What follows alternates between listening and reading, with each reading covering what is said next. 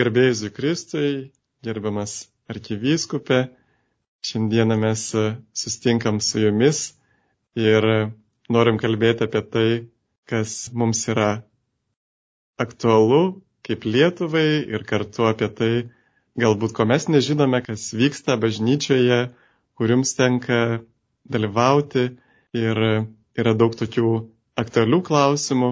Tai Galbūt mes galim pradėti irgi nuo neseniai vykusio, ką tik pasibaigusio Vilniuje NATO viršūnių susitikimo. Ir per tą susitikimą taip pat vyko ir kariuomenių ordinarų susitikimas ir kas jame vyko, kokios svarbios žinios kryptis karių selovadoje. Gerbėjus Kristus sveikinu visus Marijos radio klausytojus. Iš tikrųjų, ką tik užbaigėm NATO viršūnių susirinkimą čia ir tą pačią progą susirinko Europos ir šiuo atveju plačiosios Europos kariuomenių ordinariatų vyskupai. Čia susirenkam mes kasmet Lurde, dar net platesniam susitikime ten melstis už taiką prie Dievo motinos prašyti jos užtarimo. Kariuomenės vyskupai renkasi ir kitomis progomis Bruselį kelis kartus yra susirinkęs svarstant daugiau teisės saugos etikos su branduoliniais ginklais ir politikos klausimus. Austrijoje reguliariai turi tyrimo centrą, kur tuos klausimus tyria ir viskupai irgi ten reguliariai renkasi. Šį kartą buvo pirmas kartas, kai Europos viskupų konferencijos tarybų organizavo kariuomenės ordinarų susitikimą ir Kaip žinote, Europos vyskupų konferencijos taryba apima daug platesnį spektrą kraštų, šalių. Ten sudaro 45 kraštai, šalys, kurios yra ir iš jų 33 turi vyskupų konferencijas. Ir tai apima ir Ukrainą, ir Rusiją, ir Turkiją. Tai tie kraštai, kur turi krikščionišką ar net katalikišką, tiksliau, vyskupiją, tai tie ir renkasi.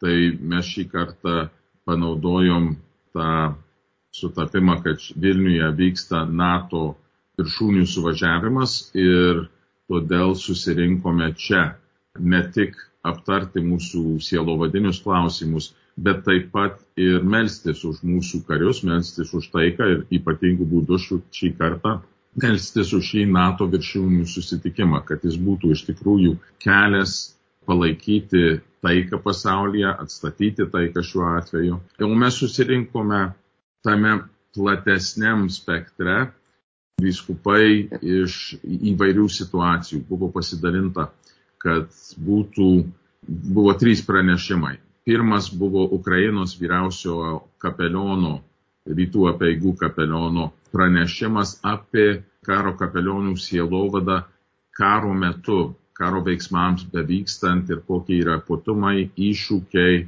ką ten mato. Tada antrą pristatymą darė Bosnijos Hercegovinos kariuomenės ordinaras, kuris tada kalbėjo apie kapelionų veiklą ir ordinariatų sielovadą užsibaigus karo veiksmams, nes reikia atstatyti atstatyti žmonių dvasę, atstatyti ne tik fiziniai, bet ir asmeniniai, bendruomeniniai tie santykiai.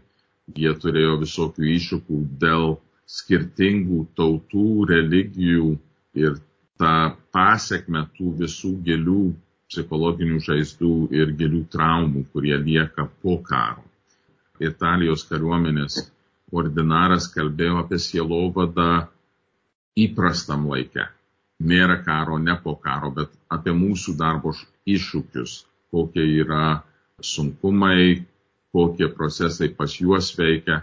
Ir buvo platus po kiekvieno pristatymo pasidalinimas, kaip tie dalykai veikia įvairiuose kariuomenės ordinariatuose, pasidalinom iššūkiais ir sėkmėm ir ruošiamės kas antrus metus rinktis, kas du metus kitoj valstybei, pas kitą kariuomenės ordinariatą.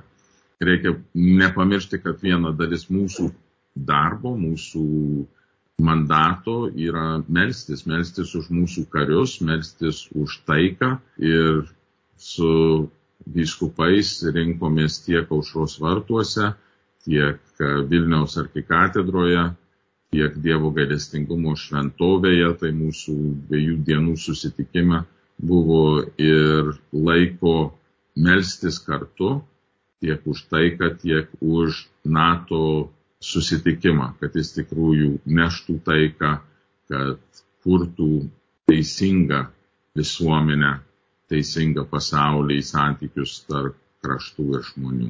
Tai manau, kad e, buvo iš tikrųjų labai sėkmingas susitikimas. Mus pasikvietė organizatoriai NATO viršūnių į prieimimą, kuris vyko antradienį vakare valdovų rūmuose. Tai su savo generolais, su savo kraštų atstovais gavo tiesioginiai progą pabendrauti tie vyskupai, kurie buvo atvykę ir vieniems ir kitiems. Tai kėlė labai gerus jausmus, kad mūsų atstovai žinojo, kad už juos yra melžiamasi, kad jų kariuomenės vyskupai susirinkę ir savo darbą paraleliai daro. Ačiū ir kaip Jūs vertintumėte bažnyčios Lietuvoje pagalba Ukrainai karo metu, karito bendradarbiavimą ir jūs atrodo ir pats buvot nuvykęs į Ukrainą ir tenais irgi turbūt parsivežėte tam tikrą patirtį iš ten. Taip, aš kaip tik tą kapelioną, kuris atvyko dabar iš Ukrainos kariuomenės kapelioną, su juo susipažinau Ukrainoje prieš metus, mes kartu lankėme jų sužeistus karius ligoninėse. Ir tai buvo irgi labai ypatinga patirtis, bet ten irgi prieš metus lankiau abiejus Ukrainos karitus, tai yra rytų apieigų bažnyčios karitą ir lotynų apieigų bažnyčios karitą. Ir toliau mūsų karitas daro milžinišką darbą paremti Ukrainos karitas rinkliavos mūsų bažnyčiose, bei kiti.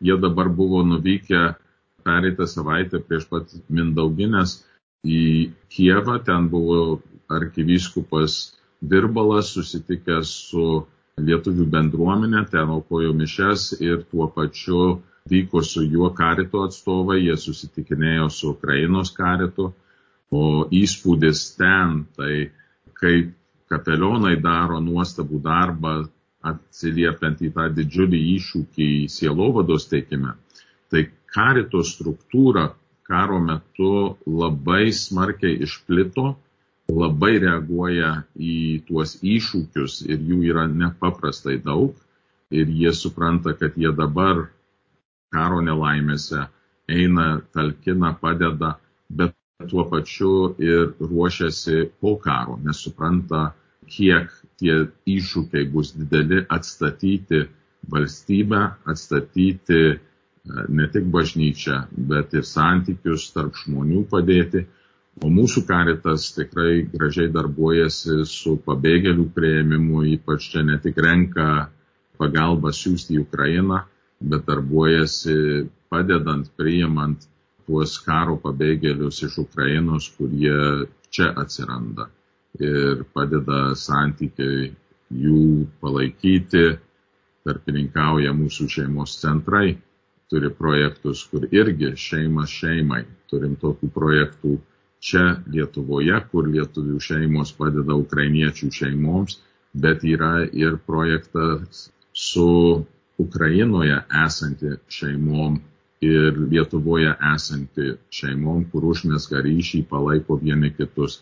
Ir ta krikščioniška bendrystė, pagalba ištiesta ranka tikrai duoda vaisių ir teikia pagalbos, rodo tą mūsų krikščionišką bendrystę vieni su kitais. O kaip Jūs manote, ar mes turėtume bijoti karo čia Lietuvoje? Baimė, sakyčiau, bijoti tą prasme tai ne. NATO viršūnių susitikimas vėl mūsų užtikrino, kad yra už mūsų stovi didžiulė jėga. Tačiau pasiruošti, pasirenkti tokią nelaimės atveju reikia. Mes su vidaus reikalų ministerija dabar vyskupų konferencija tarėmės apie programas, kurios padėtų pasiekti tikinčiuosius su reikiama informacija.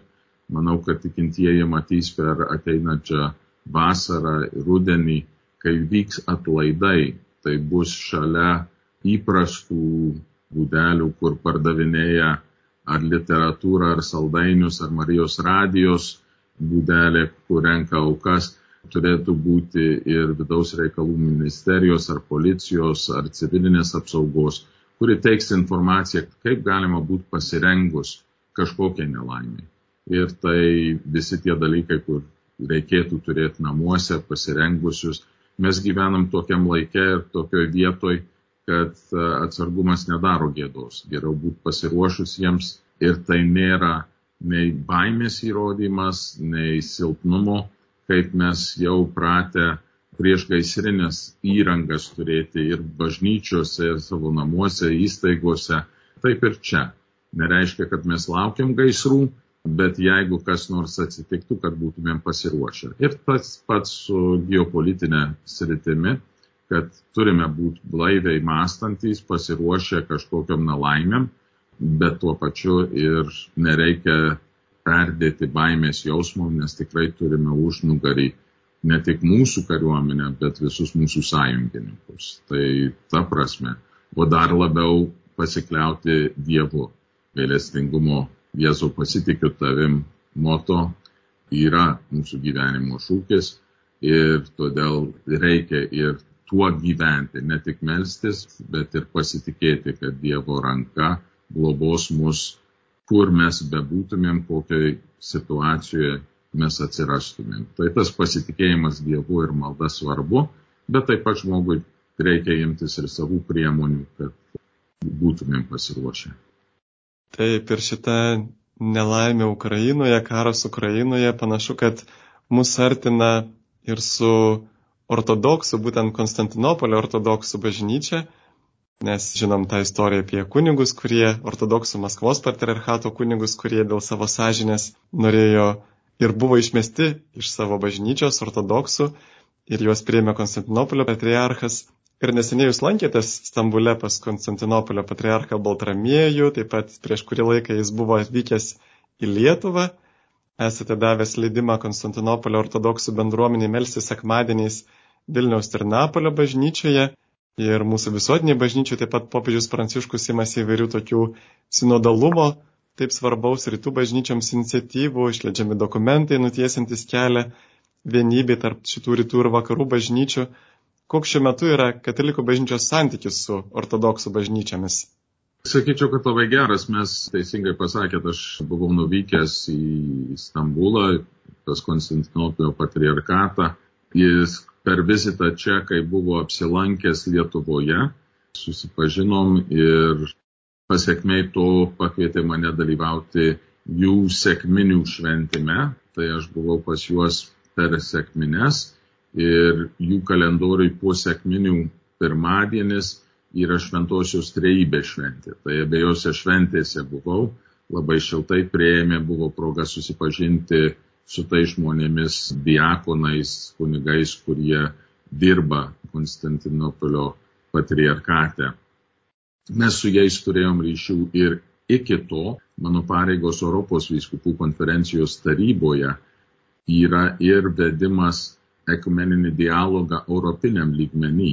Tai mes turime katalikų ortodoksų forumą, kuris kas porą metų renkasi tęsti diskusijas to ekumeninio kelio formavime, įgyvendinime ir aš esu popirmininkas iš katalikų pusės, o patriarkas Baltramiejus skiria vieną iš savo arkivyskupų metropolitų būti koordinuojančiu, pirmininkaujančiu iš ortodoksų pusės. Jis dabar yra paskyręs metropolitą Nikitą, kuris yra Anglijoje ir jis yra kopirmininkas, o ortodoksų pusėje stalo sėdi atstovas iš kiekvienos ortodoksų bažnyčios Europoje. Tai mes toliau tęsime tą dialogą ir tas pats metropolitas Nikitas ką tik buvo išrinktas Keko, kuris yra Europos krikščionių taryba, kuris sudaro liuteronų, reformatų, evangelikų ir ortodoksų bažnyčios visoje Europoje. Labai įdomi situacija, kad maždaug iki nesenai paskutinių statistikų nemačiau, bet visoje Europoje yra maždaug pusė Romos katalikų ir pusė visų kitų krikščionių.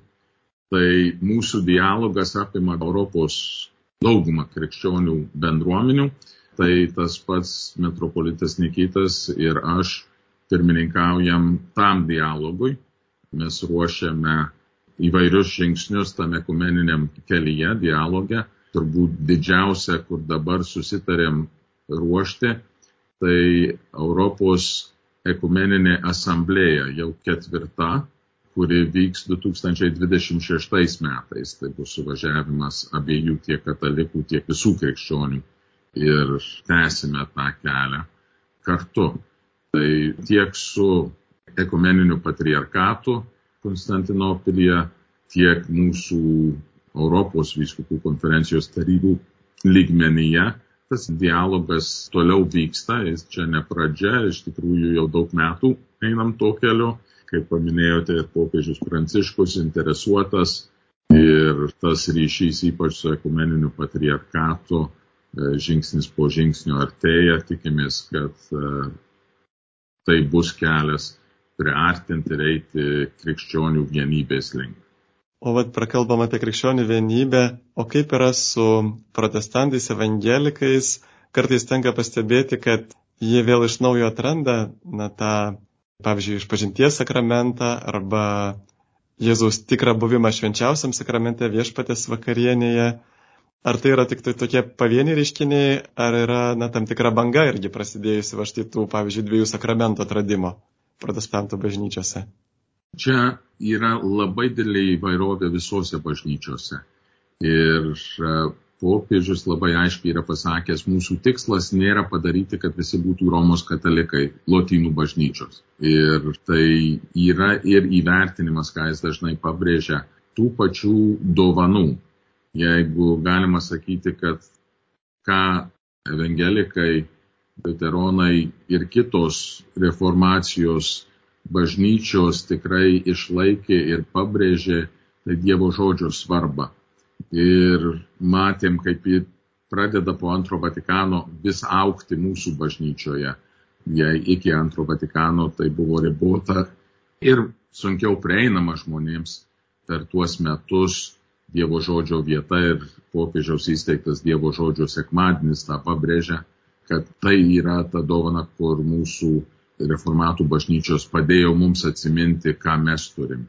Taip pat ir jie atranda mūsų bažnyčioj ar taip pat ortodoksų įvairiuose bažnyčiose tą dalį krikščionybės, kur jie tą dovaną puoselėja gal daugiau iškelia aukščiau negu kitos bažnyčios. Ir tai yra tas ekumeninis kelias - atrasti mūsų tarpę tas dovanas Jėzų esantį mūsų tarpe įvairiuose formose, įvairiuose pavydaluose ir tai puoselėti. Svarbiausia yra matyti, kad visi esame pakrikštyti ir ta krikšto malonė, kuri mes tampame Dievo vaikai, irgi įpareigoja mus siekti tos vienybės ir dalyvavimo aktyvaus bažnyčios gyvenime. Ir tai iš tikrųjų ekumeniniam keliui mes dar labiau pastebime. Gerbimi Marijos radio klausytojai, mes kalbame su Vilniaus arkivyskupu Gintaru Grušu apie mūsų šių dienų aktualijas bažnyčioje, apie tai, ką bažnyčia daro, kas vyksta joje. Prie mikrofono aš kuningas Sigitas Jurkštas. Ir štai tęsiant pokalbį irgi apie vienybę tarp bažnyčių, turbūt didelę reikšmę turi ir neseniai praėjęs sinodas ir dar tebesitęsia taip ir keletą metų dar vyks rudenį susitikimas ir kuo svarbus tas sinodas mums visais lygmenimis. Popiežius mus pakvietė išeiti į nežinomybę, į naują būdą, kuris yra iš tikrųjų labai senas būdas bažnyčios gyvenime eiti kartu. Man labai patiko, buvau nesenai Romoje ir kalbėjausi su kardinolu Grek, kuris yra sinodo vadovas. Jis organizuoja tą sinodą švento tėvo padėjėjas, ta prasme. Ir jisai buvo susitikęs su dviem vyskupais iš rytų, iš artimųjų rytų. Ir jie apibūdino savo patirtį sinodo labai vaizdžiai. Jie sako, kad mes einame sinodo kelią Abraomo sandaluose. Ir tai yra priminimas, kad Abromas buvo Dievo pašauktas palikti savo kraštą ir išeiti į nežinomybę, į kurią Dievas jį vedė.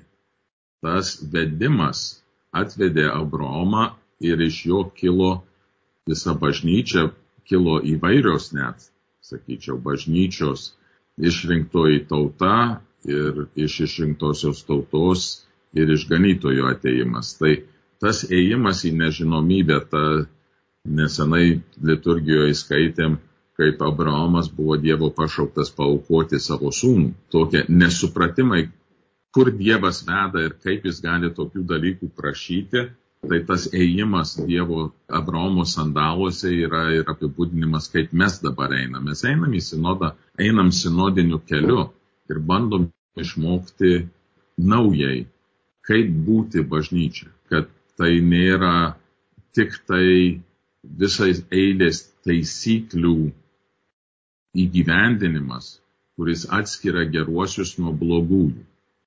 Iš tikrųjų, bažnyčioje yra visko, yra visokių žmonių su savo dovanomis ir su savo silpnumais ir su savo nuodėmėmis ir kaip mes galim visi likti toj vienoj šeimoje. Tai tas procesas, tas kelias yra pradėtas, prasidėjo mūsų vyskupijų lygmenyse, jau buvo ir kontinentiniai suvažiavimai, dabar ruošiamės, laukiam to suvažiavimo Romoje, kuris vyks spalio mėnesį. Šitas kelias yra iš tikrųjų įsiklausimo šventosios dvasios vedimo procesas. Vienas labai įdomus dalykas dėl spalio sinodo, tai yra, kad darbo dokumentas, kur nesenai buvo išleistas, nėra projektas galutiniam dokumentui. Yra iš tikrųjų beveik pusė to dokumento yra klausimynas maldai ir mąstymui įvairiose srityse. Ir dalyvaujantis yra kviečiami skirti laiko apmastyti tuos klausimus ir atsinešti maldos rezultatą į tas diskusijų grupės, kurios vyks sinodo metu. Ta mes matėm irgi europiniam lygmenį, kad mes suvažiavom į Pragą be parengto projekto dokumentui. Ir tai buvo didelis iššūkis mūsų komitetui, kuris turėjo suredaguoti, bet iš tikrųjų surinko medžiagą, kur buvo iškelta suvažiavusių atstovų ir dalinosi, bandė sujungti ją į vieną baigiamąjį dokumentą, kad atspindėtų tą, ką dvasia kalba per žmonės susirinkusius. Tai yra siekis atpažinti dvasios balsą. Tas pats bus ir Romoje ir tikslas labai matomai kartojasi įvairiuose kontinentų suvažiavimuose atpažinti charizmas ir tarnystės bažnyčioje, kad jos būtų iš tikrųjų suprantamos kuo plačiau, kad nebūtų viskas palikta tik ant vyskupų ar tik ant kunigų, bet kad tai būtų pasidalinimas. Jau mes turim tą bažnyčios kanonų teisės kodeksą, pasidalinimą, bendravimą, bendrystę su pasauliečiais, darbų pasidalinimą, mes turim tiek ekonominės tarnybas ir sielovados tarybas mūsų parapijose Gal čia bus paspartinimas, kad jos geriau organizuotųsi, geriau veiktųsi, bet mes matom tą ir popiežiaus išleistuose dokumentuose tiek apie kateketus ir jų tarnystę.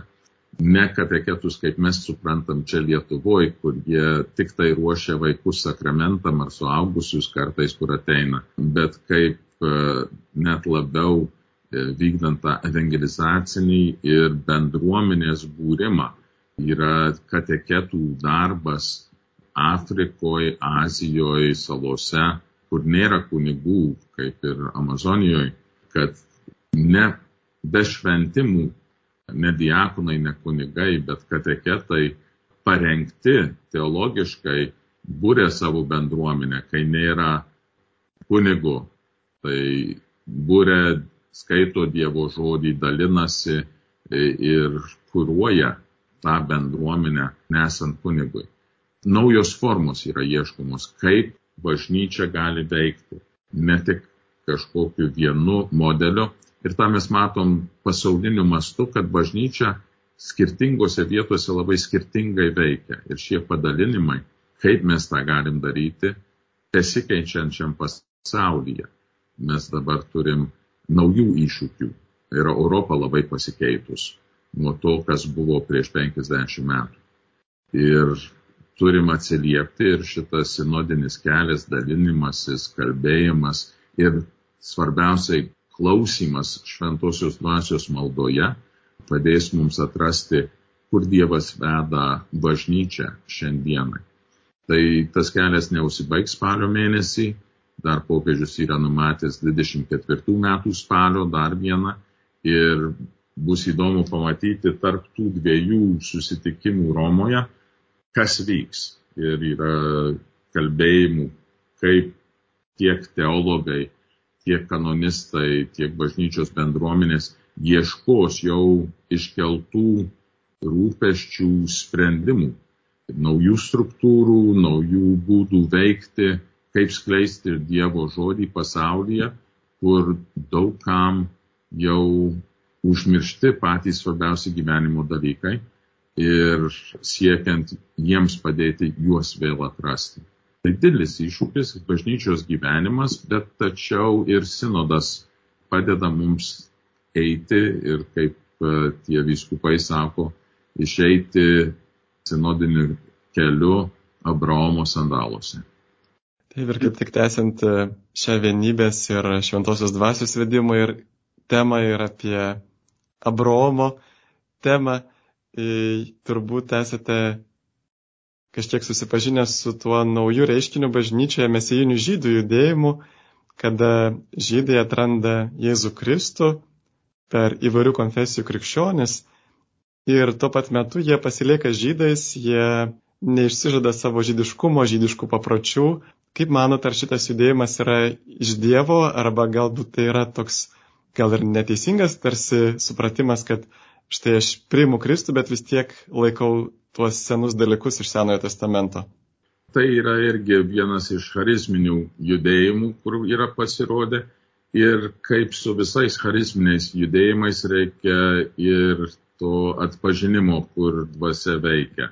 Um, kaip ir su įvairiom grupėm, su ta grupė yra klausimų, yra neaiškumų ir manau, kad reikia atsargiai su, su ta, bet um, kad žydai eina krikščionybės keliu, tai tai buvo nuo pirmų šimtmečių, atranda, bet dažniausiai ateina pilnai, nebūtinai turi atsižadėti visiškai faktų, kad jie yra žydų kilmės, kaip ir buvęs Paryžiaus kardinolas Lustyžiai buvo žydų kilmės, bet tapo katalikų kardinolu ir turim daugiau tokių pavyzdžių.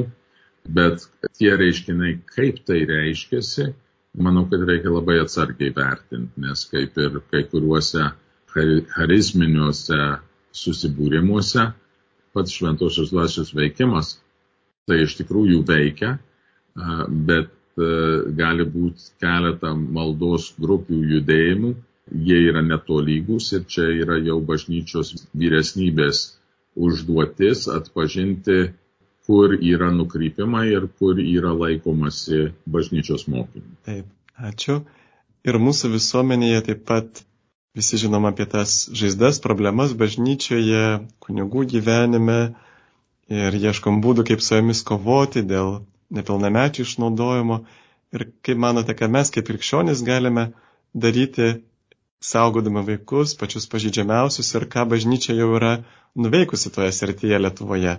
Tai yra skaudi problema visam pasaulyje, visoje bažnyčioje, jos neišvengiam nei Lietuvoje. Iš tikrųjų, tai nėra tik tai bažnyčios problema, ji yra visoje visuomeniai ir bažnyčia turbūt yra daugiau nuveikus toje srityje pasauliniu mastu negu bet kokia kita institucija. Turime jau išleistas tiek švento sosto įvairius dokumentus, toje srityje, ką daryti, kaip veikti, jeigu yra kaltinimas, kad jį ištirti, kad padėti aukoms, psichologiniai, sielovadiniai, padėti ir nusikalteliui bandyti taisytis, bet tuo pačiu apsaugojant galimas kitas aukas, kol yra ištirtas reikalas. Tai tos gairės jau priimtos mūsų vyskupų konferencija yra tų atvejų, kur buvo ištirti ir Lietuvoje, kur gal sunkumai tai yra, kad e, žmonės e, dar vis e, drovisi pranešti tais atvejais. Suprantama, kad tai vyksta ir šeimose, ten turbūt didžiausia vieta, kur tie nusikaltimai vyksta ir tas spręsti yra itin sudėtingai, bet vaikus būtina apsaugoti, nes jų teisės šiuo atveju yra pirminis, kad uh, žalą sumažinti.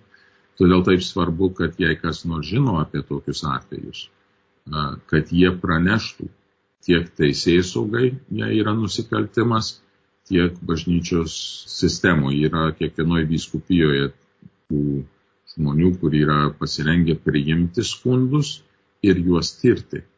Mes turim ir prevencijos sistemos, sakyčiau, pradžią.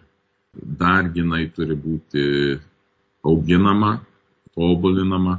Mes dirbame, jau turim kontaktus su vaikų apsaugos centru Krokuvoje, kuri mūsų regione turbūt pažangiausia jau nuėjusi šio toj srity.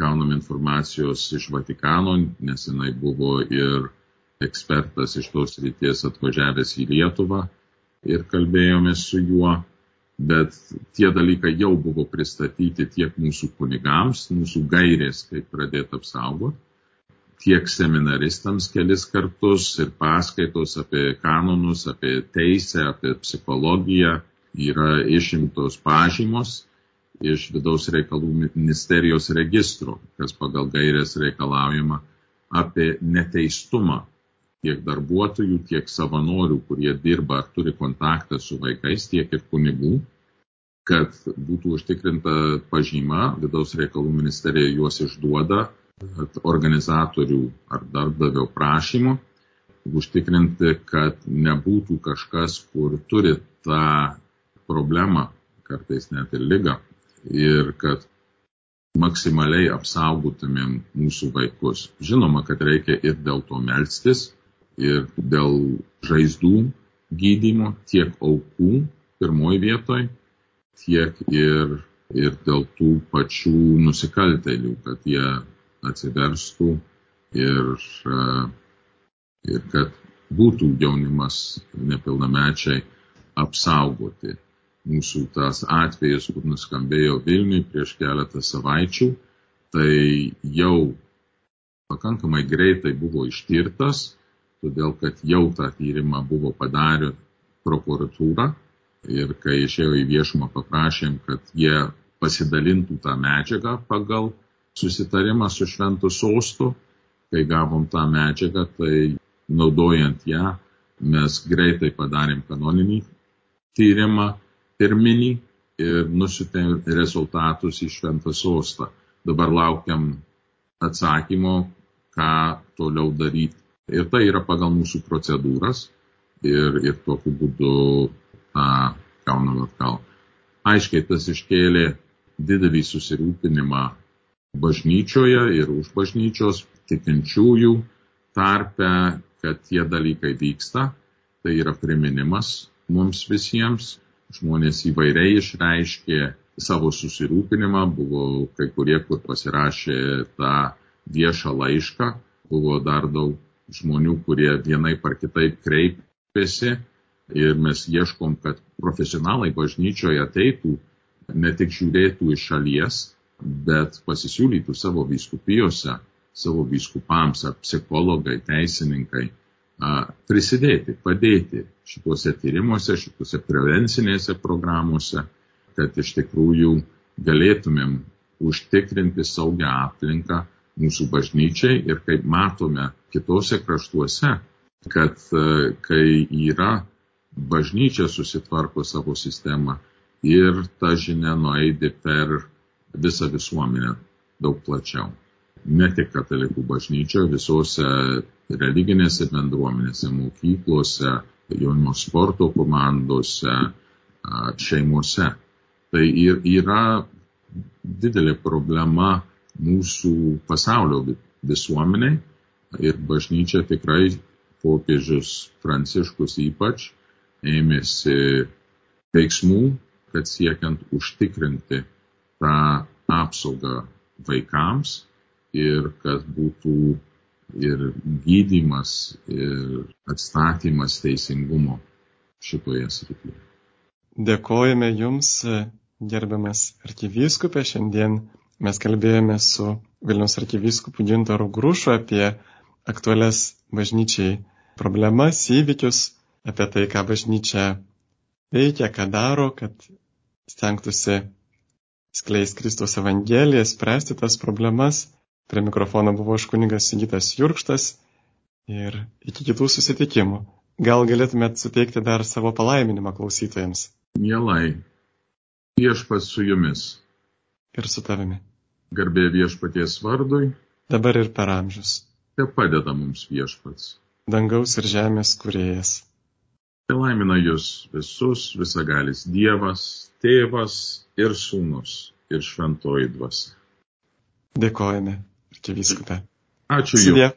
Su Dievu.